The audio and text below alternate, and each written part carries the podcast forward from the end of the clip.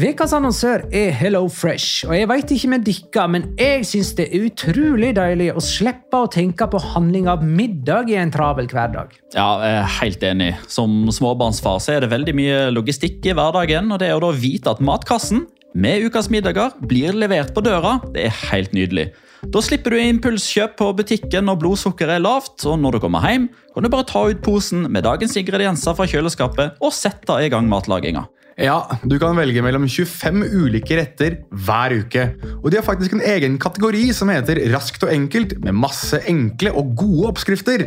Veldig greit å ikke måtte ty til takeaway hver gang det er hektisk på jobb. Jeg gleder meg spesielt til sterk chilikylling i min neste kasse. Jeg blir sulten bare av å tenke på det. Ja, Det er ikke feil med bacon og cheeseburger heller, da. Og det som også er bra, er at matkassen koster det samme hver uke, som gjør det enklere å holde matbudsjettet. Ja, og så blir det ikke matsvinn heller, fordi du får akkurat det du trenger til hver eneste rett. Hello Fresh kan absolutt anbefales, og bruker du koden vår, LIGALOCA, kan du få opptil 1779 kroner i rabatt på de fem første matkastene hvis du ikke har prøvd Hello Fresh tidligere. Du kan også prøve koden hvis du har avslutta abonnementet ditt for tolv måneder siden eller mer. Gå inn på hellofresh.no og bruk koden LIGALOCA. Bon appétit! Hallo? Jeg kommer fra Oslo politikammer. Ine Jansen er purk. Er du purk? The motherfucking bitch. Alt jeg vil, er å finne ut hva som skjedde med mannen min. Jon Carew. Er jeg sikta for noe? Iben Akeli. Det er du. Ole So, Lars Berrum og Big Daddy Karsten. Hvem sin side er du på, egentlig? Anette Hoff, Tone Danielsen, Kommer du fra Afrika? Jørnis Josef, Nesten. Kløfta. Trond Espen Seim. Det er synd å si det, men det var feil mann som døde. Purk. Premiere tirsdag på TV2 Play.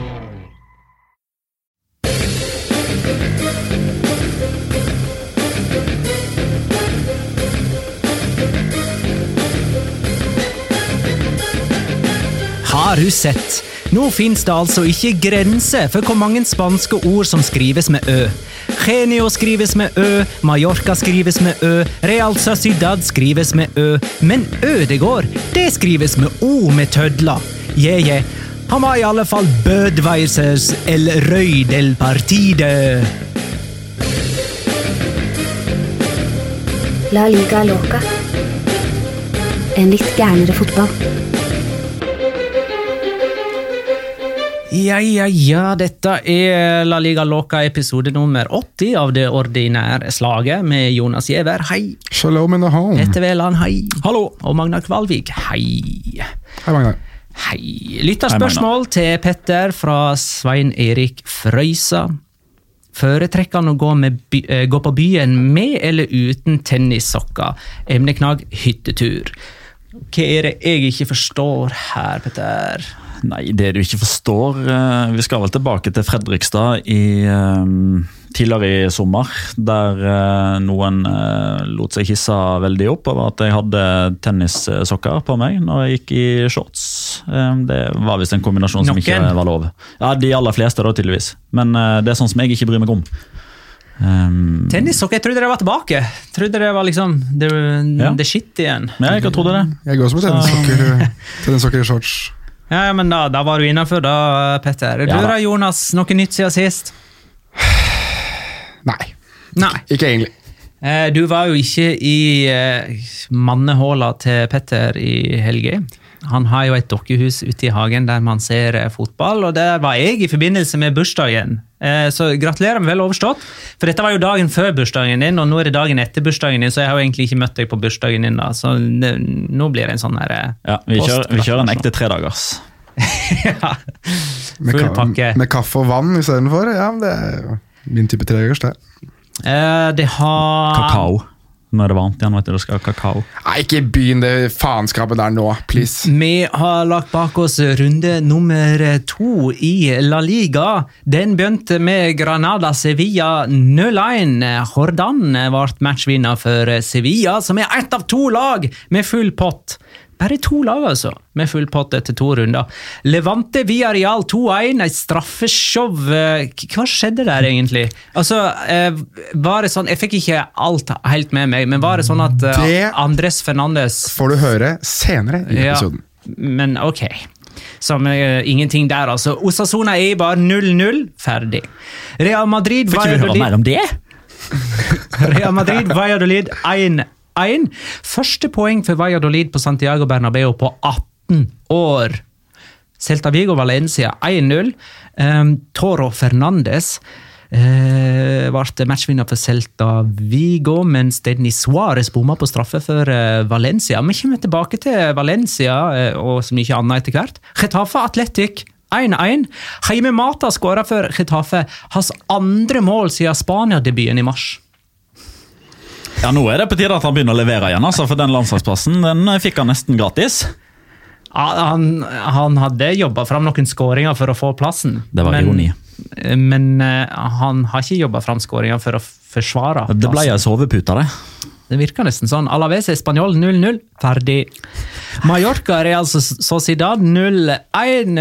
Martin Ødegaard ble matchvinner. Leganes Atletico 0-1. Vitolo ble matchvinner, og det var det høyere odds på. At Martin Ødegaard skulle bli matchvinner. Skal han endelig bli en nyttig Atletico-spiller? Det lurer jeg på. Og så, etter alle disse målfattige, trauste kampene, så kom altså Barcelona, Real Betis og runda av det hele med 5-2. Grismann med to skåringer. Elias Larsen spør jeg hvor ødeleggende var Barcelona Betis for en potensiell Bottenrekord i antall mål i en serierunde? Regner med via Sport Veland har fasit. Tolv eh, mål, i alle fall i moderne tid. Første serierunde 2015-2016. Ja. Og Det husker jeg så godt fordi jeg så eh, nesten alle de ti kampene på en fortauskafé i Madrid.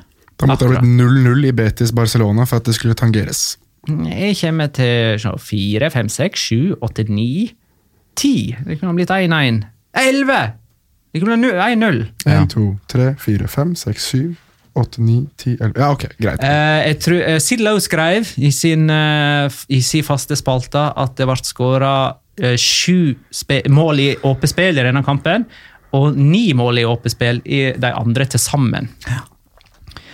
Ja, ja, ja. Fire av fem Barcelona-mål med venstre ben for øvrig, og Lionel Messi spilte ikke kampen. Har du hørt? Ja, det, var, Eh, det var faktisk ei, ei rekke der med åtte mål på rad i La Liga med venstre. Otto Lillebø spør hvem slår følge med Villarreal og Betis til Segunda. Jeg Det blir jeg- Valencia, det, da. Ja, eller Leganes. Det blir eh, enten Valencia, Valencia. eller Leganes. Skal vi roe oss helt ned her? Dette blir uh, Dette var gøy! Det var en sesong der Var ikke en sesong der både Betis og Saragossa og Nei, den der 99-00-sesongen, når både Sevilla, Betis og Atletico gikk ned. Ja. Det hadde jo vært Det går sånt, an. Det, Det går an. Det går an. Det går an, faktisk. Skal vi rett og slett eh, bevege oss til ferie, ei ferieøy? Ja, Det er jo helt grusomt det som skjer på Las Palmas for tida, med alle disse skogbrannene. Ja, det er jo faktisk grusomt, da. Men det er ikke det eh, vi skal snakke om. Nei. Eh, Martin Ødegaard og eh, Real Sociedad de vant 1-0 eh, på- i Palma, ikke Las Palmas. Eh, og det, Martin Ødegaard skåra jo da faktisk Real Sociedad sitt første spillemål denne sesongen. Blir det da On Palma Las Palmas? Ja, det må jo nesten det. Ja, det gjør det. Eller Ona Ona Palma. Palma. Ona Palma, Las Palmas. Eh, han, han både hadde jeg, jeg sier at han hadde regien på det angrepet, da, selv om det selvfølgelig var starta ved Moya bakerst eh, og Jarzabal videre til Ødegaard. Men så derifra eh, Ødegaard ut til Porto, tilbake til Ødegaard og mål. To nykomlinger som Og det var mange nykomlinger som hadde sin runde i eh, La Liga. Det skal vi òg komme tilbake til. Først fokuserer vi på eh, Real Sociedad. Jo, men Apropos det du sier der, da. Ehm, for Jeg satt og tenkte på det og jeg var enig med kommentator Sverre Enic og ganske mange andre som, eh, som skrev på, på Twitter og, eh, og i diverse live-feeder rundt om at det, på et tidspunkt der så var det, det var litt sånn sirup. Det gikk litt treigt. De klarte ikke helt å, uh, å, å bryte ned Mallorca. Jeg syns, uh, Mallorca gjør en veldig god forsvarskamp etter først å ha vært veldig offensive de første 10-15 minuttene, sånn som de var mot Eibar. Fikk ikke skåringa si, så tok de litt mer piano. Uh, Idris Obaba og Sevilla var kjempegode defensivt. eh, og William José var fryktelig tam. Og så kom Isak, og så kom Porto. Og da tenkte man bare så umiddelbart at dette her funker veldig mye bedre i akkurat den kampen her. I den kampen her så trenger ikke Real Sociedad en murbrekker, de trenger noen som åpner opp. Og som løper inn, og som strekker. Og så var det akkurat det som skjedde. De la seg dypere etter at eh, både Porto og Isak kom innpå, som jeg synes var eh, litt sånn De virket litt selvmotsigende, men det hadde jo sin hensikt. i det at Da inviterte de Mallorca til å presse, og da kunne de kjøre i kontringsrommene hver gang. og Da hadde de jo Porto, som du sier, Isak, som ikke ble nevnt her nå i stad, men det er han som strekker det Mallorca-forsvaret såpass bredt at Ødegaard kan komme inn i rommet og få den avslutninga, da. Den Eh, eh, tversoverpasningen fra Porto til Ødegaard Det er en Mallorca-stopper som er helt sikker på at den ballen skal til Isak. Ja. og Det er derfor det åpner helt eh, Og- for Ødegaard. Og det kan nok òg tenkes at det er meninga til Porto. det kan godt hende. Det kan godt være, men i alle fall den, den første touchen til Ødegaard tar jo han helt ut av, uh, ut av kampen, og Ødegaard har egentlig fri bane rett igjennom. Avslutningen er jo altså, world class i seg selv. Vi skal, vi skal gi det til våre svenske lyttere at begge Real Sociedad sine mål denne sesongen har kommet etter at Isak har blitt bytta innpå. Mm. Og han har jo vært, hvis vi er veldig snille, da, delaktige begge to. Altså Han skaffa frisparket Ja, ja. som det ble straffespark Ja av. Og han er jo med altså Når jeg noterer ned uh, i disse statistikkene mine så, altså, spillere som er involvert i skåringene Alexander Isak er involvert i Real Sociedad-skåringa, for han er med på å dette blir veldig bensemask. Skape rommet som Ødegaard utnytter. Men fjern Isak fra det angrepet der, da, så har Mallorca-spilleren langt mer kontroll enn han viser da, seg å ikke da, ha. Ja, for da kan han bare fokusere på Ødegaard. Mm. Da. Eh, Ødegaard spiller samtlige minutter i denne kampen. òg. Er det en eh, strategi for at han skal føle seg trygg på at han har liksom, lov til å gjøre feil og kan prøve igjen og liksom ikke føle liksom, presset med at hvis ikke han presterer, så blir han bytta ut? Det er jo litt sånn Uten sammenligning for øvrig var det sånn eh, Pep Guardiola drev med Messi. Skulle aldri bytte han ut, sånn at han kunne bare føle seg trygg på at han kunne få lov til å få den tiden han trengte til å prestere. Funker det? De er jo ubeseira med, med Ødegaard eh, som spiller 90 minutter i La Liga, i hvert fall. Så det er ikke noe vits å endre på det sånn sett. Men jeg synes jo uansett hver gang Ødegaard rettvender seg eh, mot mål, og han får lov til å være på venstrefoten sin, så blir det nesten skummelt hver eneste gang. Altså Han får muligheten enten til å trekke inn i banen og skape kaos, eller så kombinerte han veldig fint med Janus Saib et par anledninger også. så Uten å sitte og så, uh, ha på noen sånn norske briller, så synes jeg at han, han har vært veldig imponerende i begge kampene. Med norske briller. Så, Jo, men jeg, jeg, det- for å se det på et nøytralt vis. da. Ja, ja, men For å se det litt nøytralt og litt objektivt også. Altså det, jeg synes det er litt rart å ikke mene at han har vært positiv i begge kampene han har spilt nå. Ja, åpenbart Når du skårer et mål, så er det jo altså, ene og alene viktig til at laget tar tre poeng, men, men jeg synes også i kampen mot Valencia så var han god. Han var involvert, og han ønsket å være involvert i spillet hele tiden. og Hver gang han rettvendet seg, så var det, eh, var det farlig da også, synes jeg. Men, men jeg har jo en føljetong nå, eh, der jeg tar på meg de norske brillene og oversetter de spanske avisene. Og Der får vi jo liksom fasitsvaret på det at det er liksom ikke bare her oppe vi sitter og, eh, og, og lar oss imponere og lar oss drive litt med. Eh, altså Mondo Deportivo hadde Renieu på forsida si, og, og, og, og har han som el mejor, altså den beste. Ja, og genio eh, er geni. Ja. Eh, og det er altså et ganske sterkt ord. Det er det. Første gang jeg hørte det på det spanske genio, det var da Maradona hadde det raidet i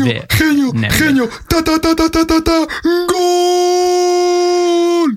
For Og det, dette var i 1986. Det er klart jeg hørte ordet eh, ganske lenge etter eh, det, eh, men likevel For meg er jo genio Maradona, da. Ja, Fin sammenligning. Maradona?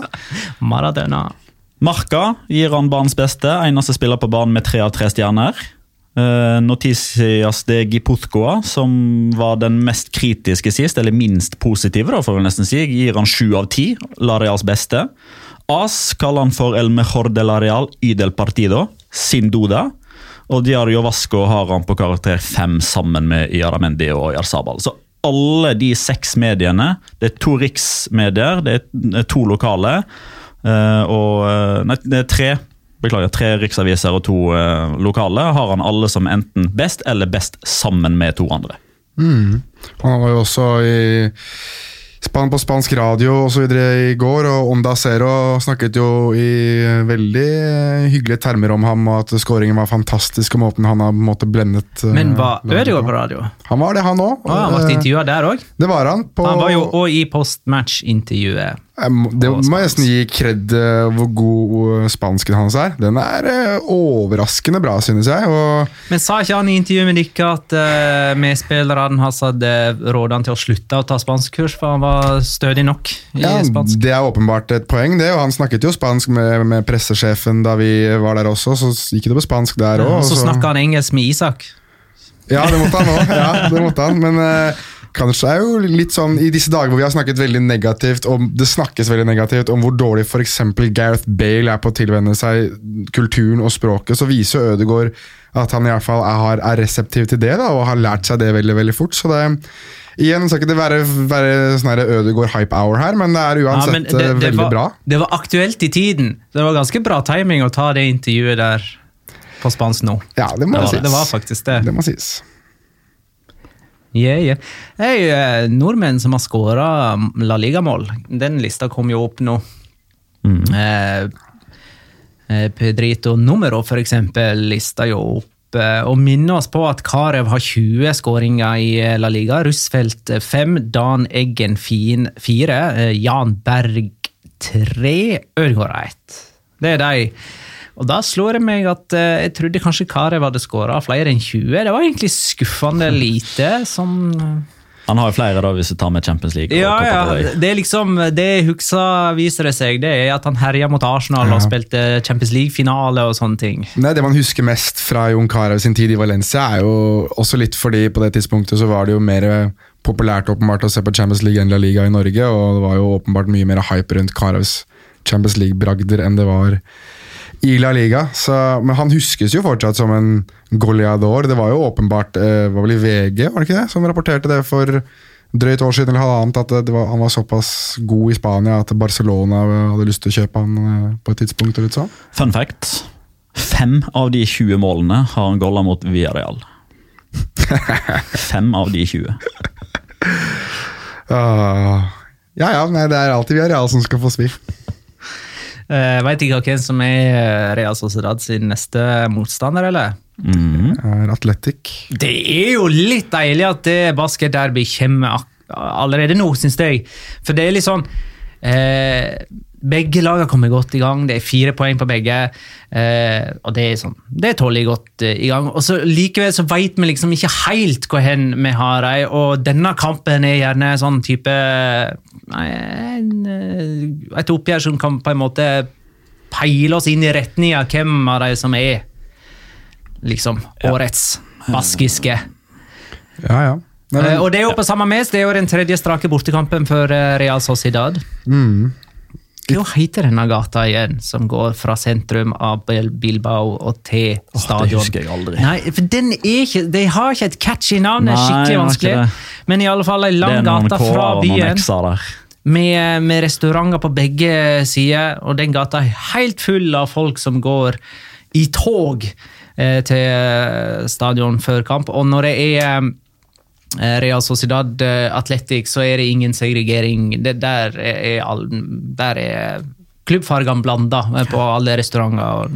Det blir jo kalt uh, The Friendly Derby. Ja, jeg trodde det var Everton Liverpool. Det er godt mulig det òg blir det. Jo, men det, er et, eh, det går for å være et veldig vennskapelig eh, oppgjør. Jeg tenkte jeg skulle ta det på engelsk istedenfor på spansk. Da skjønner ikke folk hva Nei, jeg mener. skjønner. Derby de la mista. Vi, vil fikk jo oppleve det på gamle Samames. Og der tror jeg, eh, hvis ikke husker helt feil, at eh, bortefansen da, Real Sociedad i, på, stadion så står de jo for seg sjøl, da er ikke de blanda med, med resten. Og da tror jeg de sto faktisk og hylla vertskapet på slutten der. eh, Real Sociedad-fansen. Ja, men hva tror vi her, da? Altså, Hvilke forventninger har vi? Atletic sesongåpna på hjemmebane med seier mot Barcelona. Dette er det er vanskelig å vite hva, man skal si om Valencia, som eh, Real Sociedad tok et poeng mot. Jeg har en følelse av at dette her er tøffere da, for Real Sociedad. Akkurat i nuet så er det nok det.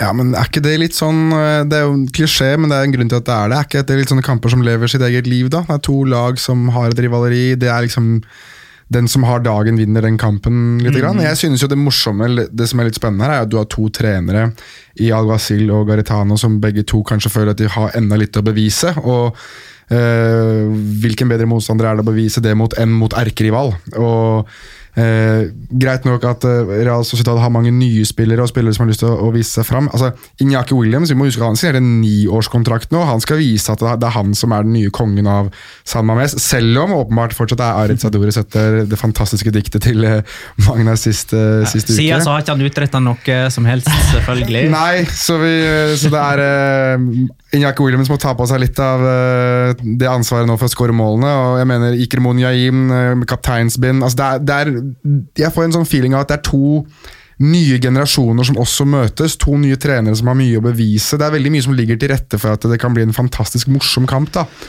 så jeg eh, altså Åpenbart, jeg synes alltid disse, disse derbyene er, er eh, spennende, men det ligger liksom noe latent der nå at det kan smelle noe skikkelig. da Men jeg satt jo og tenkte når, eh, når Magna resonnerte litt fram at nå er det Basker derby og det er to lag som har fått en god start. Liksom, han tenker sånn automatisk greit, her blir det ett poeng til begge to. For at sesongstarten fortsatt er liksom sånn Ja, ok, men det er ikke sju av ni som hadde vært veldig bra. Det er liksom litt sånn typisk at de sparker litt bein på hverandre det, er sant. tidligere. det er et godt poeng, faktisk. Men jeg, jeg, men jeg sitter fortsatt med en feeling på at det er to lag som ser sitt snitt her. da, til at det, Å få den edgen over erkerivalen. Jeg tror eh, og håper at det veier tyngre enn den altså At det er større lyst for å vinne enn frykt for å tape. da, Men det er jo litt det man må, man må også balansere i form av at det er så tidlig i sesongen. Fordeler er alle innbyrdes, da, sånn mentalt, med tanke på hvordan det har gått. De Forrige sesong så vant de begge. to. to. Sesongen før der så vant de hjemme og spilte uavgjort borte. Så det, det begynner jo Klart alt er relativt, men det begynner å bli en stund siden Atletic eh, havna på topp eh, innbyrdes av de to. Hvordan er det med forsvaret til Real Sociedad? Det var jo de vi var litt skeptiske til, de midtstopperne med Le Normand og ja, det var Sobeldia som har spilt. Ja, Han Eh, starta faktisk mot Mallorca nå, til tross for at Diego Jorente var klar. ja, ikke sant? De brukte samme stopperpar, og, Ja. og det har egentlig fungert ganske bra. De første to kampene, ikke det? ja, det har jo det. Men Nå kommer jo, nå kom jo Nacho Monreal, da. Ja, gjør han det, eller? Ja, det ser veldig sånn ut. da får de mer rutine på venstrebekken i alle fall. Ja. Men det, jeg føler ikke det, skoen trykker så voldsomt akkurat der likevel. da. Han kan spille midtstopper òg, da. Ja, stemmer, det kan han jo. Så det er, eh, du har i hvert fall større bredde der, men jeg vil jo tro at i en sånn kamp som dette, så er det Jorente som skal spille sammen med Skal man gjette på at det er Lenormand, da? Som er mer naturlig på den posisjonen der? Han fikk, han fikk litt juling, han, på Mallorca. Han gjorde det. Skikkelig òg. Ja, det han ble tråkka på ankelen og så litt for seint inn eh, på motsatt ankel i, eh, samme omgang. Jeg syns han har vært den mest imponerende av de to, hvis jeg skal gå gjennom uh, Hvis jeg skal prøve å sammenligne litt over to kamper. Det er jo et lite, lite vurderingsgrunnlag, da, men jeg synes uansett at han er den som virker mer kompromissløs av de to, og den som på en måte er uh, litt mer no nonsense. Det er jo kanskje litt av at han er mer naturlig stopper, og da tror jeg også det er mer naturlig at det er han som spiller ved siden av Jurente. Vi skal komme tilbake til denne kampen senere i episoden. Eh, Det eh, Petter påpeka til oss i dag tidlig, når vi hadde vårt redaksjonsmøte via Messenger eller et eller annet, Facebook Messenger, ja. eh, var at dette var nykomlingenes runde. Dette var en runde der nysigneringer, nye fjes, gjorde seg bemerka og ga klubben, sitt et, klubben sin et løft. Mens de laget som stilte med veldig mange kjente fjes, eh, i grunnen bare gikk på trynet. Eh, la oss ta de, som, eh, de nykomlingene som presenterte seg her. da. Antoine Griezmann gjorde det. Ja, han skåra to. Han og han to. hadde planlagt uh, feiringa si. LeBron Vi, vi, ja, James-style. vi må jo bare. Vi, vi, vi må bare tabbe. Hva syns vi? To av ti. Elendig.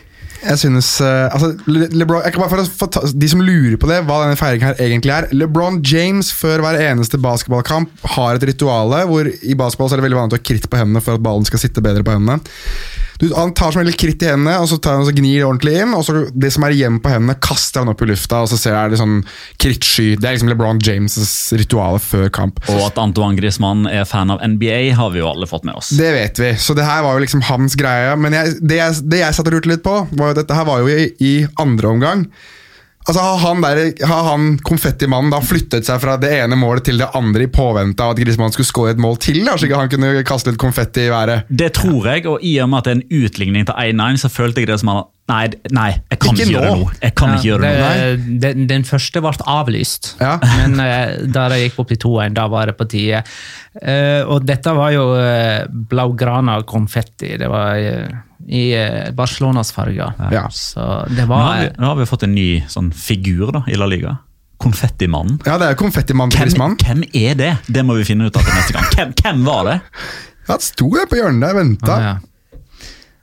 Ja, det blir du, har jo, du har jo han der mytiske mannen eh, som står liksom nede i spillertunnelen, og sånn, liksom, han som sto rett bak når Mourinho prikka Tito Ja, i øyet. Og, Han var jo et sånt, uh, han var en ordentlig figur han i lang lang tid, hvem han egentlig var. var fant Jo, han, du, han har jobba på Kamp nå i mange år, han. Ja, ja, ja. så det er mange der som vet godt hvem han er. Ja. Men for uh, verden ellers så eh, Ja. Carles Perez eh, sa hei og hallo for første gang. Eller hadde jo spilt to kamper før, da. Dette er eh, da en 21-åring som har kommet innpå to ganger tidligere for Barcelona på bortebane. Nå på heimebane så starta han sin første kamp, eh, og skåra. mm, Veldig Og spennende. Og hadde målgivende. Hadde han det? ja, hadde han ikke det? Der sliter jeg, for Oi. eh, Sergio Roberto hadde begge til Griezmann. Griezmann hadde til Vidal, Busquets hadde til Alba, og Semedo hadde til Carles Perez. Da stryker vi den er målgivende. Men han var, han var tredje sist eh, på Vidal sin skår. Hei, hockeyassist! Hockeyassist. Jo, men det der er ganske moro, for det at eh, Barcelona og Valverde har fått mye kritikk for ikke å få fram disse her uh, La Masia-talent i, i det siste. Ja, og så skal han jo overkompensere da, og sette inn tidenes yngste. Det, det var vel Nest. nest yngste. Eh, Bendik Diesen skriver Hva tenker dere om Ansu Fati? Denne Guinea-Bissau-mannen på 16 år. Eh, Lenge siden Barcelona har behandla et talent på riktig måte, sier Bendik Diesen. Hvorfor skal de lykkes denne gang, sier Bendik Diesen. Ja, og så er spørsmålet er dette liksom riktig mann å basere det på? Altså, Vi må holde tunga rett i munnen her. Ansu Fati får ikke dette innhoppet her fordi han har vært sinnssykt god på trening og diverse. Det er på grunn av at Suárez ute, Messi ute, Dembélé ute, Coutinho er borte. Eh, Carles Perez har allerede tatt opp fra B-laget, og da stopper de eh, jeg uttaket fra B-laget, som jo spilte kamp på nivå 3 denne helga. Og da er liksom avveininga ok, hva gjør vi da? Ja, da ser vi ned på uh, juvenillaget som Victor Valdez trener, som er det som da skal representere Barcelona i Uefa Youth League. Og der har han jo gjort det bra. Men det er jo derfor han er i troppen i utgangspunktet. Han kommer inn på stillinga 5-1. Det er derfor han kommer inn. Det er derfor han får disse minuttene. Ja, så det kan være det siste vi har sett til han. Jeg tror det er i hvert fall denne sesongen. Kanskje Copa del Rey på benken eller noe sånt. Nei, det tror jeg ikke. fordi Når eh, Barcelona da spiller den første cupkampen, så, eh, så spiller ikke B-laget. For Det er liksom okay. midtukekamp, og da, er liksom sånn, da, da blir det liksom feil å premiere Ansu Fati igjen. Når det da er B-lagsspillere som har gått i mange måneder og venta på den muligheten. Ah, endelig kommer første cupkampen. This is our time to shine. Da tar det ikke Ansu Fati igjen. Men du vet hva overskriften hadde vært i alle spanske aviser hvis eh, Fati hadde scora på den ene sjansen han hadde? Fati, Fati, boom, boom. De som tar den referansen, de er offisielt mine venner. Ja, jeg tok ikke han. Nei, jeg er ikke din venn. Har men dere- jeg kan jo for, likevel være din venn. Du sa ikke det at de som ikke tar referansen Nei, det er for så vidt. De, de som allerede er mine venner, forblir mine venner. Dere som tar referansen, dere er mine nye venner. Tidenes yngste Barcelona-spiller i La Liga heter Vicente Martinez og debuterte i 1941. Han var 20 dager yngre enn det Anso Fati er nå.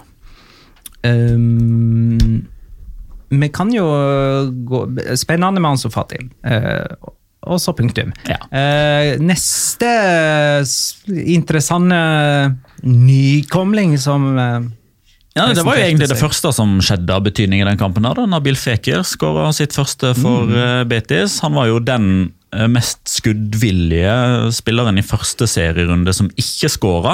Eh, og så skåra han på det eneste skuddet han hadde, i hvert fall det første skuddet han hadde nå på Camp Nou. og da, da tenkte man jo litt sånn ok, skal det skje igjen? Vi bytter ut Setien og, eh, og hiver inn på Robi, men Betis de skal vinne på kamp nå igjen. Uh, De som tenkte sånn, tok jo fryktelig feil, da, meg sjøl inkludert. Men da, men da tenkte jeg ok, dette blir kamp. Dette blir kamp. Gjorde du det? Når de tok ledelsen, ja. Ja, det Ja. trodde, nå, Det trodde trodde ikke du det? jeg. Nei. Det var 15 minutter med Barcelona-dominans, og så var det én Betis-kontring, og jeg skårte det. Akkurat. Ja. Det er sånn, det er sånn bortelag vinner. På, Ja, mulig. Ok, På 1-1 da, så kanskje jeg skrota det helt, men det er sånn Dette her er Ja ja, på, ja, ja. Altså, når, Ja, ja, ja. Da, altså. da snakker vi! Okay. altså, når Barcelona ja utligner 1-1, da er jo scenarioet helt annerledes. ja, ja, Men jeg tenkte at den skåringen kom for tidlig. var det min, min tanke var. For tidlig skåring. Det her holder ikke. Så Men, Ja, men eh, hadde Betis holdt den til pause altså Det er en Da- lei trøkk å få rett før pause. det der. Da hadde jeg vært enig med deg at det hadde vært eh, litt mer spennende. Men jeg må jo si at den kontringen igjen, vi har vært inne på kontringen med Ødegaard og Lareal, La Real, den kontringen til Betis er jo fantastisk, da. Loren Moron sin stikker gjennom til eh, Men, dere, Fekir men dere husker foranledninga her? For Jeg hadde en liten diskusjon på Twitter i går, og Mats, eh, nå skal du få forhåpentligvis eh, fasit. Hvem har skyld i det baklengsmålet? Jeg, jeg mener det er mottaker som ikke mottar ballen fra Busquets. Takk. Rafinha. Mm. Takk. Det var det. Men jeg delte nok Jeg liker eh, diskusjonene, Mats. Jeg, jeg delte nok eh, Live delte jeg nok skyldig på de to, da, Busquets og Rafinha. Ja, jeg vil Men, eh, si Han er at ikke uskyldig, Nei, men, men, eh, skal den knagges på én mann, Ja. så er det Rafinha. Sånn 80-20. Ja. Um, det er greit. Og så uh, um, Skal vi ta Celta Vigo? ja. Ja. Det var en nykomling som ble matchvinner. Toro Fernandes. Den er fin, den skåringen der, altså. Den blir finere og finere for hver gang man ser den. Uff. Det, Fantastisk. det, ja, flatt innlegg fra sida, og han Heland i, i Ja. lengste hjørne. Men der har du en litt sånn, Det er vel ikke en overgang eller en kontring like klart som skåringa til Ødegaard og Fekir, men der òg er det sånn bom, bom. Der går det kjemperaskt. Aspas, Dennis Suárez, Gabriel Fernandes, skåring. Eh, og, nå, og Han ble altså matchvinner, og når vi er inne på debutanter, eller ikke nødvendigvis debutanter, men nykomlinger som gjør en god figur, så vil jeg faktisk trekke fram Sildesen altså, i Valencia-målet. Det hjalp jo ikke de offensivt, men det holdt nå litt liv i kampen at han hadde noen feberredninger, deriblant en strafferedning. Da var det uansett så seint at eh, det, det litt for ikke sent. utgjorde noen forskjell, men eh, likevel en eh, meget god kamp, og han kunne på ingen måte eh, lastes for den eh, Og John. Jordan ble jo òg matchvinner. Skåra sitt første for Sevilla. Men mens vi er inne på Celta her, jeg må bare, vi må få skutt det her inn. Altså, det er ganske imponerende av Celta å selge Maxi Gomez, og så har de basically kjøpt Maxi Gomez igjen i Toro Fernandes. Det er jo samme fyren, og de ser jo like ut, til og med. Altså, øh, nå sjekker jeg altså, De er samme høyde òg, de har samme kroppsbygning. Altså, de er, det er to år mellom dem, da. og De er begge fra Uruguay. Nei, altså Det er kliss likt, liksom. Ja, eneste forskjellen er vel klubben de kom fra. Maxi Gomez fra Defensor Sporting. Ja, og, Toro fra Peña... Nei, er det ikke Peñarol? Jo, jeg tror det. Ja. Og så kan vi jo nevne eh, Real Sociedad og Martin Ødegaard. eh, Og at eh, Porto, da, som også er nykomling, fikk den målgivende pasningen. Mens et lag som ikke har spesielt mange nye fjes i elvaren, og som ifølge Marka går tilbake til fortiden, det er Real Madrid. Eh, Ole Sørum eh, skriver Real Madrid med 38 innleggsforsøk. Eh, kunne Jovic fra start omsatt noen av dem? Og tanker om at Hames sitt eller tanker om Hames sitt bidrag tilbake på Santiago Bernabeu. synes Hames var positiv. Jeg, jeg synes at han, han virket spillesugen, men jeg synes, slik vi snakket om hele forrige sesong, det er et lag som har ekstremt lite balltempo. Det er et lag der er ekstremt lite altså, penetrering fra sentral sone. Altså, det er veldig få av de midtbanespillerne som ønsker å komme høyt i banen. De blir stående og trille og trille og trille. Og man venter på at en eller annen skal finne på noe som bare tar pusten fra alle sammen. Skåringen til Benzema er jo helt fantastisk. Altså det, Måten han vrir seg inn der på og banker til, det er en enkeltmannsprestasjon som står i verdensklasse. Men det er liksom det som må til før Real Madrid faktisk virkelig eh, gjør noe av verdi i den kampen her. da. Jeg synes det er noe tannløst og blodfattig over hele Real Madrid, og det til tross for at de gikk ut på overgangsvindu og kjøpte Azard, som riktignok er skada. Jovic, som av en eller annen merkelig grunn ikke får spille. Og resten av spillerne deres er skada. Alle er jo skada! Det er jo han, var det ikke, Mistet ikke han Pintus, øh, han fysiske treneren, eller hva for noe denne, her, øh, denne sommeren her? Han er jo tydeligvis det største tapet de har hatt, for de har jo, hele laget deres er jo ute med skade, nesten. Ja, Hammes ble jo skada. Ja. Ikke sant. Fellan Mendy er ute med skade. Altså, det, er, det er ikke måte på hvor mye skader. Det er ikke Jovic måte- var jo skada, han òg. ja, Han, han var ja, ja. skada i eh, mot Atletico, var var ikke det i New Jersey? Ja, Så han har vært ute en stund. Så får vi jo se eh, det, det går jo masse rare rykter om han, da. At han skal eh, lånes ut og hele pakka.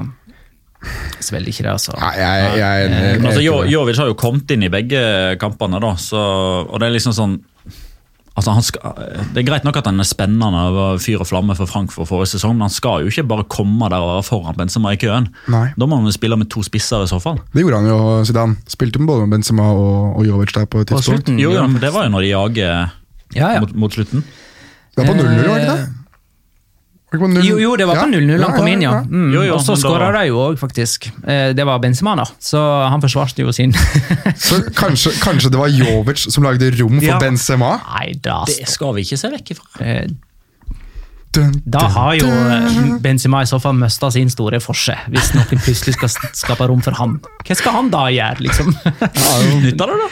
Audun Røren lurer på når får vi se Takifusa Kubo i aksjon? Vel, skal vi si neste helg, eller? Kommende helg? Ja, Forhåpentligvis. for Valladolid. Nå må jeg bare for, Mallorca. Mallorca! Det må sies at i dag så har også Cucho Hernandez, som vi husker fra Huesca i fjor, han er blitt klar for Mallorca på lån. Så nå er det Kubo og Cucho på Balearene. Gud, det blir moro å se på Mallorcas angrep med de to, ass. En, eh, en nykomling vi ikke nevnte i dette segmentet, Joao. Joao Felix. Eh, han forsvinner på en måte litt, for han har liksom allerede presentert seg og vært Men hei, det var jo faktisk hans eh, første Målgivende. Målgivende. Målpoeng, mener jeg. altså. For det Ja, var. Morata som skåra sist. sant? Ja, det var Trippier sitt innlegg. innlegg. Så første målpoeng Som til Morata. òg nei, til skal Felix. nevnes i dette åndedaget som nykommere som har markert seg. Ja, Målgivende mot uh, Retafe, og jeg syns han var god igjen mot Leganes. Kunne fått en ny målgivende til Morata, men han uh, klarte ikke å overliste Juan Soriano.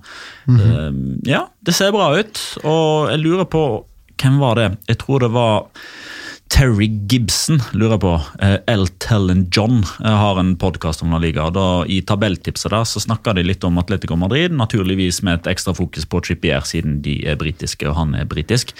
Og da var det sånn at De var veldig spente på hvor mye Simione kunne få han til å bli bedre defensivt uten at han mista edgen offensivt.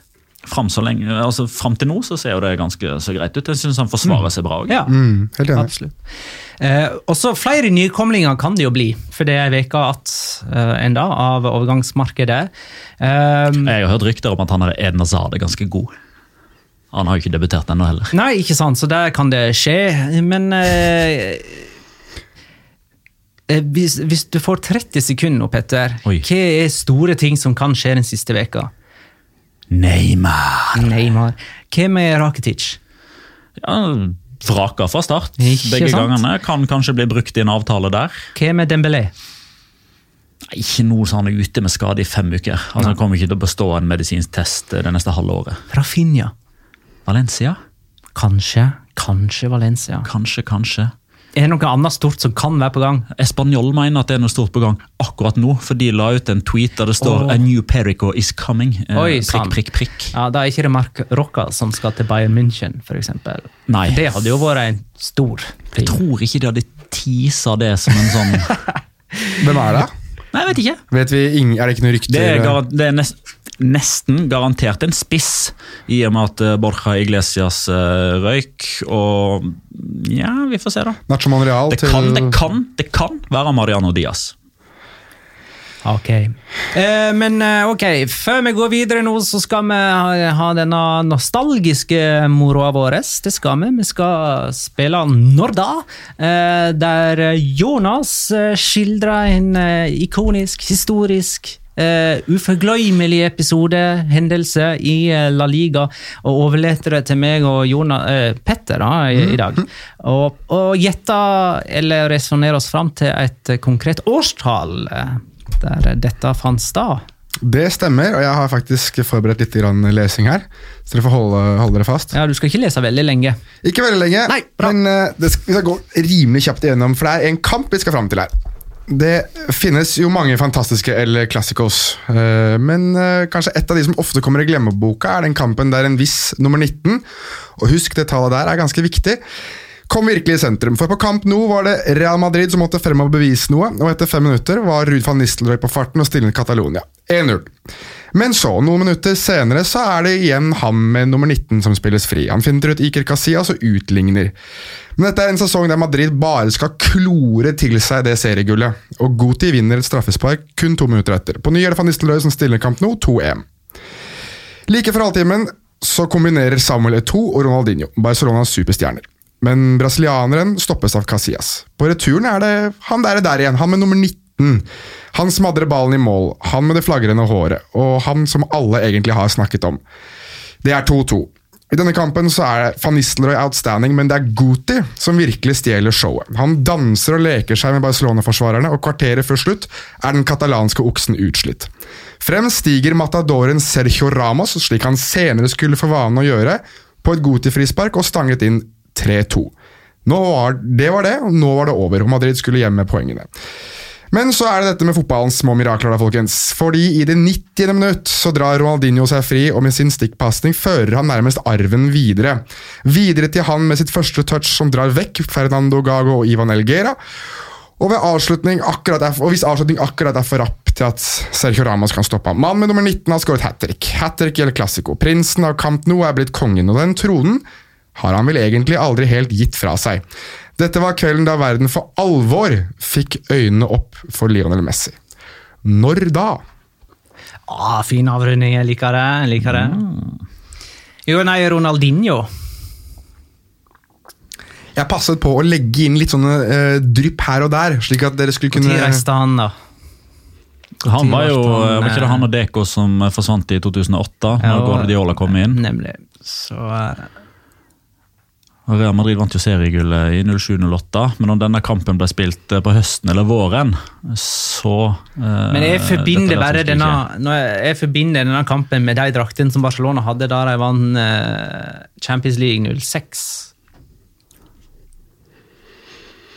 skje. De jeg- draktene, ja. Ja, jeg ser de 05, 06. draktene der de har sånn så nå, nå har de jo blå shorts. Ja. Den gangen hadde de rød. Men det, det er et eller annet Er du 100 sikker på at det er Sergio Ramos som, som smeller i stolpen? Jeg så for meg at det var Cannavaro. Oi, oi, oi, det, eh, dette var tøffere. Dette var verre. altså. Sist gang så sto det mellom to år for meg, mens nå er jeg liksom eh, en plass mellom eh, 06 og 06 og 08. 08. Det er ikke 07-08-sesongen. Kan det være det? Van Nistelrooy, du, Jo. han var jo ikke med i 05-06 på eh, Nei, det var nei, for nei, nei, tidlig. det er for tidlig, så den stryker vi. Ja. Jeg tror det er 07 eller 08. Altså 07-08-sesongen. Om dette var 2007. 2007 eller 2008, det husker jeg ikke. Jeg sier 2007. Vent litt nå. Jeg var jo på den 2-0-kampen. Jeg er omvendt. El Clasico. Da skåra Raoul og van Nistelrooy. Det var på våren. Gans... Eller var det på høsten? Det var 2007. Da tror jeg det er 2008. Ja, ok, Da stoler jeg på det. Hvis du Nei, for jeg okay. satt sammen Nei, det, det er tiden å tikke. 2007. Ja, Da er svaret avgitt. 2007 har vi blitt enige om. 2007? 2007 er riktig. Yay! For vi for eh, meg og, Dette blir litt internt. Meg og Vishu Ja, ja. satt og så 3-3-kampen og bestemte oss for å se det omvendte oppgjøret i Madrid.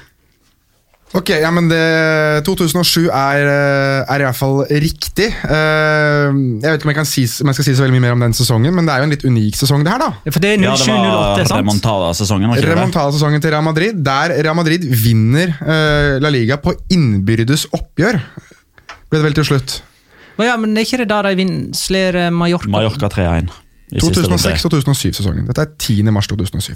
Så det er 06-07? Ja. Ja, ok. Ja, og da vinner Da skåra jo Reyes mot Mallorca i siste serierunde. og Da hadde vi feil sesong, men riktig år. jeg, jeg hadde faktisk feil sesong i mitt hode her. 10. Men 10. mars 2007. Jeg har det foran meg her. Det var ikke Mariano Diaz som ble klar for øvrig, det var Jonathan Caleri. En gammel, kjenning. Tui! gammel kjenning. Men eh, nå eh, folkens, må vi vie litt tid til Valencia, som jeg føler er, føler er bare en eh, liten implosjon unna fullstendig tragedie. Eh, og det før? skjer i løpet av de neste dagene, virker det som. Før, at, eh, før eh, hver av disse to pressekonferansene som Marcellino har hatt før hver av disse to seriekampene de har spilt, så har han altså eh, vært ganske åpent negativ til det som skjer i klubben. og Vi husker i sommer så var det konflikt mellom hva skal vi kalle han, sportsdirektør Alemani og eier Peter Lim. Og så tror jeg jeg har eh, registrert at Hans Christian har sagt at det er Alemani.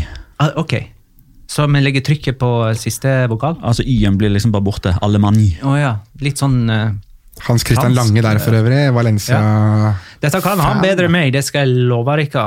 Eh, jeg kommer nok til å si Alemani ved Jeg òg. All the money, kan du bare kalle han. Ja. Men i alle fall, den konflikten der skulle jo ha roa seg ikke sant? Eh, mot, eh, eller inn mot seriestart. Og så hadde vi en preview her eh, rett før seriestart. der Petter sier at eh, den konflikten der den kommer til å blusse opp igjen. Og er ikke den i ferd med å blusse opp igjen? og eh, trenger ikke Valencia, som nå har ett poeng etter to kamper, snart å noe, foreta seg noe på overgangsmarkedet. Og Rodrigo Moreno nei, altså, La meg ikke bare ramse opp ting her. La oss Ja, altså Den ligger jo latent. eh, Litt sånn som jeg frykta for Valencias eh, vegne. Og nå virker det egentlig som at ja, Virker som at Marcelino føler at nå har han ikke noe særlig til å tape uansett, så nå bare bjeffer han. Eh, Og jeg syns han bjeffer med, med ballast, at han har grunn til å bjeffe. For dette er jo tilbake igjen til dette kaoset som var for eh, ja, kan det være en knapp måned siden. eh, Der Peter Lim plutselig bestemte seg for at han skulle begynne å bestemme litt igjen. For det gikk jo så kjempebra de, den gangen han gjorde det sist, når de ble nummer tolv. To sesonger på rad. Med Snak, snakker om Gary Cesare Neville. Prandelli eh, Prandelli og Gary Neville og Paco Gjesteran og Titten Teier. Det var ikke måte på hvem som fikk prøve seg som eh, Valencia-trener på et tidspunkt. Eh, og så kom jo uh, Alemann inn som sportsdirektør. Og traff på langt mer enn den uh, hofteskytinga som Lim eh, sammen med kompanjong Jorge Mendes eh, holdt på med. Nå må vi ikke, må ikke krisemaksimere fullstendig her, da, men jeg er enig i at det, det har konturene av litt det samme som skjedde den gangen. Jeg synes jo det blir litt sånn eh, eh, Hva skal jeg si det, er så åpenbart at det er to motpoler her hva angår styring innad i klubben, og spesielt angående rekrutteringspolicy.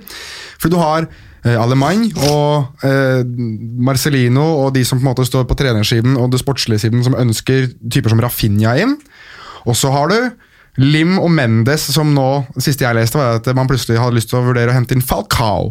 Da er det liksom det er- André Silva. André. Silva. Dette er spillere som ikke, enten ikke er gode nok, eller har gått ut på dato, men som har kanskje én kontrakt eller to maks store kontrakter igjen i seg, kontra Rafinha, da, som har noe å bevise, kanskje. eh, Til tross for mye skadeplager. Så det er, liksom, det er to ekstreme motpoler her, og jeg tror jeg tror også at hvis man ender opp i det scenarioet som er mest fryktet for Valencia-supporterne, der både Alemany og eh, Marcelino forsvinner, så sitter man igjen og må stikke fingeren i jorda og finne ut hva er en, egentlig eh, ID-en, hva er egentlig sjela i, i Valencia. For det er akkurat nå så føler jeg at de er to av de som bærer den litt sterkest. og Champions League-spill eh, 2020 og 2021, og øh, videre suksess etter å ha vunnet Copa del Rey og det som er, det tror jeg du kan se langt etter hvis du begynner å unnskyld uttrykket, kuke det til på den måten som det ser ut til at de kan finne på å Oi, gjøre. den kom for seint. Det, vet du hva, den Beep! Eller den der eh, Sensureringa. Uh, Nei, sånn den der uh, Explicit. Explicit language, den, den kom etter et halvt minutt av den podkasten her, når Jonas åpna munnen for første gang. Jeg sa, vel noe, jeg sa vel noe i det sjiktet der, ja. Men uansett, akkurat her så er jeg litt lidenskapelig, for jeg er møkk lei av å se Ikke bare fordi at jeg, at jeg holder med Valencia, men jeg, men jeg synes at eh, man har sett veldig mange ganger nå eh, store klubber så i La Liga eller i spansk fotball som har hatt et styresett eller hatt folk i, i direktivene som har styrt og stelt og prøvd å endre for mye for fort. Eh, og så har det gått ordentlig odd skogen. Spør eh, Saragossa-supporterne hva de synes. Spør Depor-fansen hva de synes, f.eks. Malaga. Malaga, nå er ikke de eh, en like tradisjonell klubb som de to andre, men uansett, det er altfor ofte at du har styrere og ledere som skal inn og mene og melde og, og holde på altfor mye. Husker du han inderen i, i Racing Santander? Han som ble Jo, ettersøkt av Interpol. alt- Nei, det var ikke Altani. Uh, nei. nei. Det er Malaga. eh, Hæ? Det er vel Malaga. Ja, jeg vet. Malaga, ja. Men det, var- nei, han uh, Ali Said, eller ja, han, sånt. han hadde alltid fargerike dresser. og- Ja, Han sto på tribunen på El Sardiner og dansa. Ja, ja. Og, og nå veit ingen hvor hen han er, eller noe sånt. Nei, Interpol har veldig lyst til å snakke med ham. Ja, uansett, Poenget mitt er, er uansett det at nå må man, man må snart finne en måte å bedrive en form for indre justis kanskje i spansk fotball også, hvor eiere som dette ikke får lov til å ha så mye å si. Fordi det er ekstremt skadende for flere av de tradisjonsrike og akkurat nå mektige klubbene. Altså Saragossa på et tidspunkt var en av de mektigste klubbene i, i eh, Primera Divisjon. Det samme går spesielt for Superdepor, for da, som eh, er et, en av de klubbene som sist vant La Liga, når man liksom tenker bort fra Barcelona og, og Real Madrid. Og Valencia er jo den klubben foruten Atletico Madrid som var sist som vant La Liga, forutenom de to store. Så jeg mener, hvis man, hvis man skal drive og tulle rundt med det på den måten, så ødelegger du noe som er såpass viktig for den spanske fotballkulturen, og det er Dessverre, vi står ovenfor potensielt eh, noe slikt hvis man begynner å tulle for mye med det. Jeg tror ikke at man ender opp der, men ma- dette her er absolute worst case scenario. Petter Marston spør blir det repriser av forrige sesong for Valencia. Starta dårlig, men kjenner seg mot slutten. Ja, men de når ikke fjerdeplassen etter den svake Og hvis, hvis de starter dårlig og kommer seg på slutten, så tenker jeg at det, da har de sparka treneren og begynt på nytt igjen. Det har de, liksom. for nå har ikke Valencia noe som helst å tape på å sparke Marcelino. For Marcelino har allerede begynt å fyre, har ett år igjen av kontrakten, og det er fint lite som tyder på at den blir forlenga så lenge Peter Lim oppfører seg sånn som han gjør. Og eh, Rodrigo Moreno, hvor lenge er han Valencia-spiller? Altså Tidligere i dag altså vi spiller jo inn på mandag, tidligere i dag så trente ikke Angel Correa med Atletico Madrid. Eh, Fordi hans overgang til AC Milan er nært forestående, blir det sagt. Og så fort den er trigga, så ringer Atletico Madrid til sin kompis eh, Jorge Mendes, som igjen ringer Peter Lim, som igjen ringer Matteo Alemann, som får beskjed om å skrive under på dokumentene som gjør Rodrigo Moreno til Atletico Madrid-spiller. Og så går Kalinic andre veien. Nei, da er det skrinlegge den sesongen her. Da orker jeg ikke mer. Ok, nei, Vi er spent på hva som skjer med Valencia framover. Nå er det på tide å kåre denne rundens rundens spiller i det deg, Petter. Jeg mener det. Har Ja. du lyst på musikk? Jeg har lyst på musikk. Blir ikke det vår faste greie, da? Det Eller vet ikke om vi skal gjøre det hele greie, Men det tida. er ei valgfri greie. Eh, Da men da greia. skal jeg fikse musikk, Petter. Ja da, da hopper vi etter Wirkola. Det kunne vært verre, da. Jeg kunne ha spilt fotball etter Chabi Preto. Drammen. Kjappen. Godset. Real Madrid. Castilla. Norge. Heerenveen. Vitesse. La Real. Martin 15, Martin 16, Martin 17, Martin 18, Martin 19, Martin 20, Martin som snart er 21. Det gjør han i San Sebastian, som ligger i Baskerland, eller snart kan vi kanskje bare kalle det for Martinland. Dette er en hyllest jeg har laga, det er bare å beklage. Moya fanger corner, setter i gang spillet, og Jarzabal overtar, og ballen triller. Ødegaard regisserer, sender Porto på løpetur. Porto springer som en gal, men heldigvis ikke til Portugal. Han setter kursen mot Martin 16 og spiller ballen til Martin på 20. Med 21 på drakta settes ballen i krysset. Herregud, for et vakkert skue. Jan Berg, Sigurd Rusfeldt, legenden Dan Eggen som kunne løfte Karev opp og henge han på veggen. På veggen har han hengt siden mars 2003, da Villarreal fikk smake av vreden til han som spilte for Los Che. Norske Rednecks i La Liga har gått fra fire til fem. De kommende årene skal vi ta store slem. Cristiano sa 'Estoy aquí', kalma, kalma. Martin sa hei og ble matchvinner i Palma. Soy muy feliz y estoy orgulloso. På spansk skulle man tro han heter José Angel Pozo. Så du det, Gareth? Hørte du det? Det er ikke så forbanna vanskelig som du skal ha det til. Men dette handler ikke om Wales, det handler om Norge, og at vi omsider har fått noe å bringe til torget. Svein, du er dertonisert, du er ikke lenger kongen. Nå handler det om Martin og fotball på tippekupongen.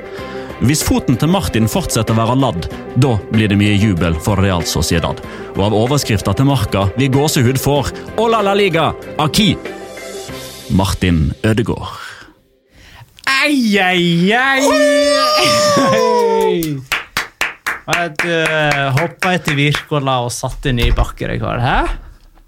Eventuelt så lander vi på kulen. Det får vi se på. Tå for Odda. Det er vel eh, tar Jeg tar på tysk, jeg, da. Tår. Tå.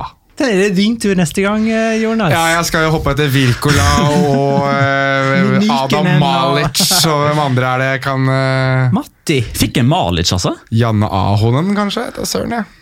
Ja, ja. Nei, dette var gøy. Nå er det tid for Locora!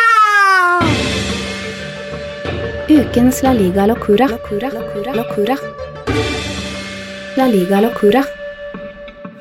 Ja, sist gang så gikk det altså sånn at eh, jeg var sist. eh, Og dermed så røyk min Locora fordi at noen andre brukte den før meg. Så nå vil jeg være først. Det kan det godt være.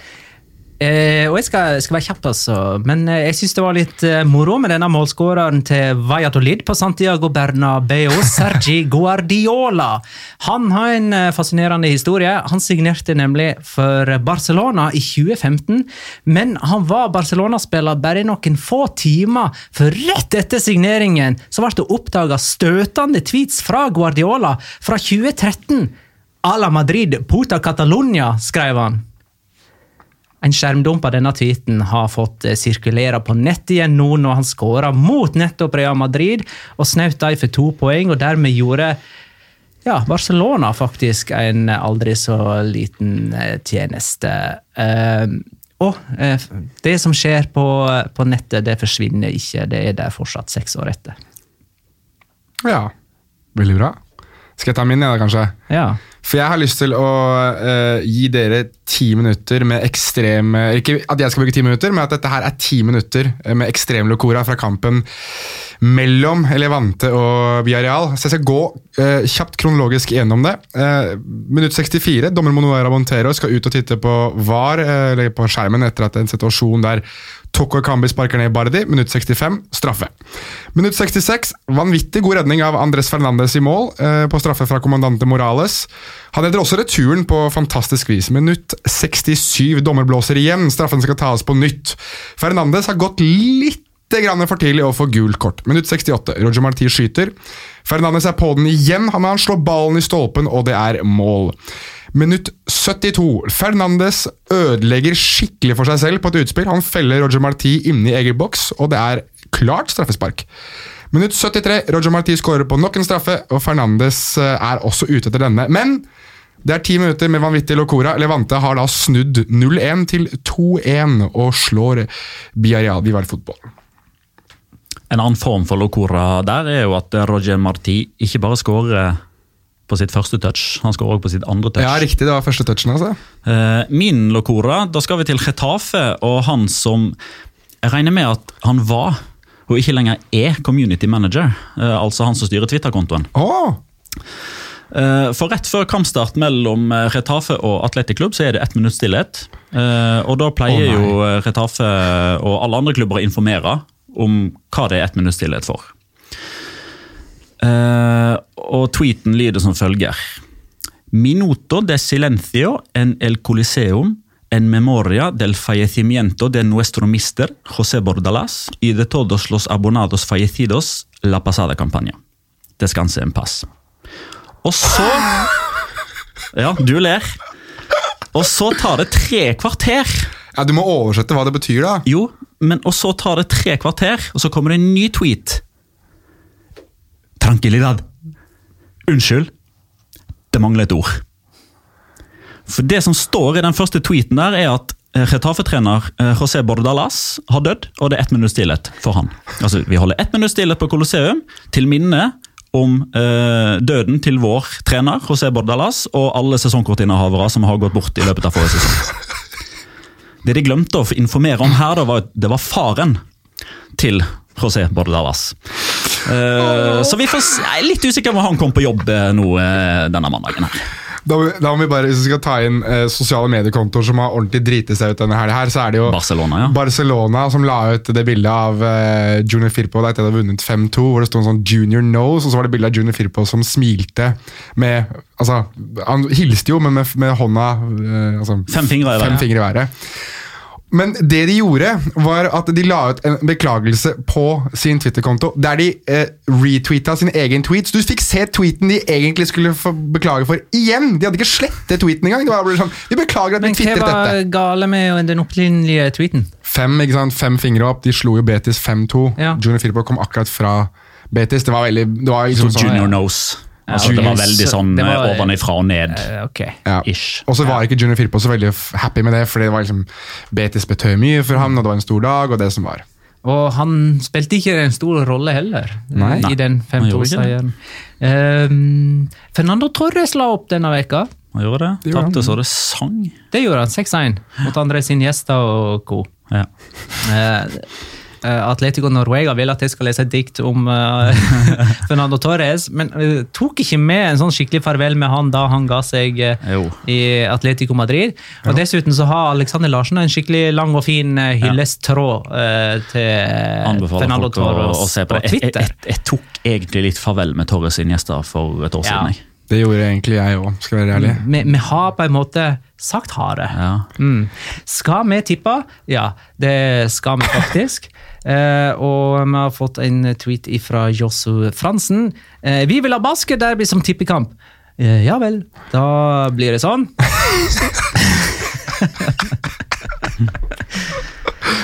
Forrige kamp var jo òg Real Sociedad. Vi hadde Mallorca Real Sociedad, og Jonas tippa 0-1. Med William José som første målskårer. Så du får ikke poeng for første målskårer, men for riktig resultat, og det er vel tre, da. Tre poeng. det er det. Jeg hadde Det er første gang jeg tror jeg har klart det, for øvrig. jeg hadde 1-2 med Oyar Sabal og får dermed ett poeng, for å i det minste ha riktig seier, herre. Petter hadde 1-1 og Bodimir. Nå skal det faktisk gå litt troll i ordet, noe som Jonas sa litt tidligere i dag. Du tar ledelsen litt for tidlig, du, Jonas. Ja, jeg kommer sikkert til å Under, ende underdoggen leder til serierunde to i ja, jeg tippekonkurransen. går sikkert åt skogen for meg, men jeg, dette her er en liten seier for meg å ligge på tabelltopp nå etter to serierunder. Jeg leda noen ganger forrige sesong, og hver gang jeg leda, så fikk Petter en fempoenger i den påfølgende runden, og gikk forbi.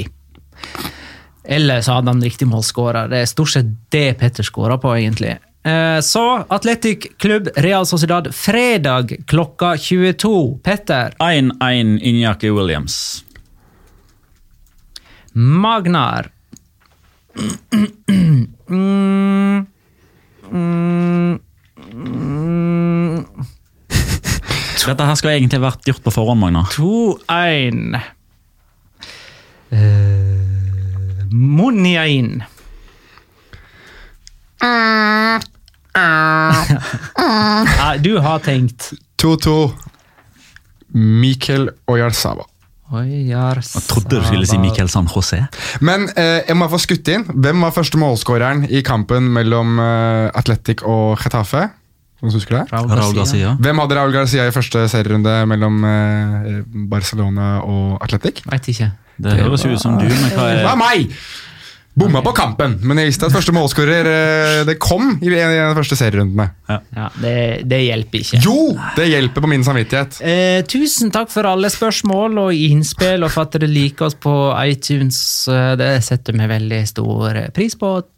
Takk for at du lytta, kjære lytter. Ha det, da.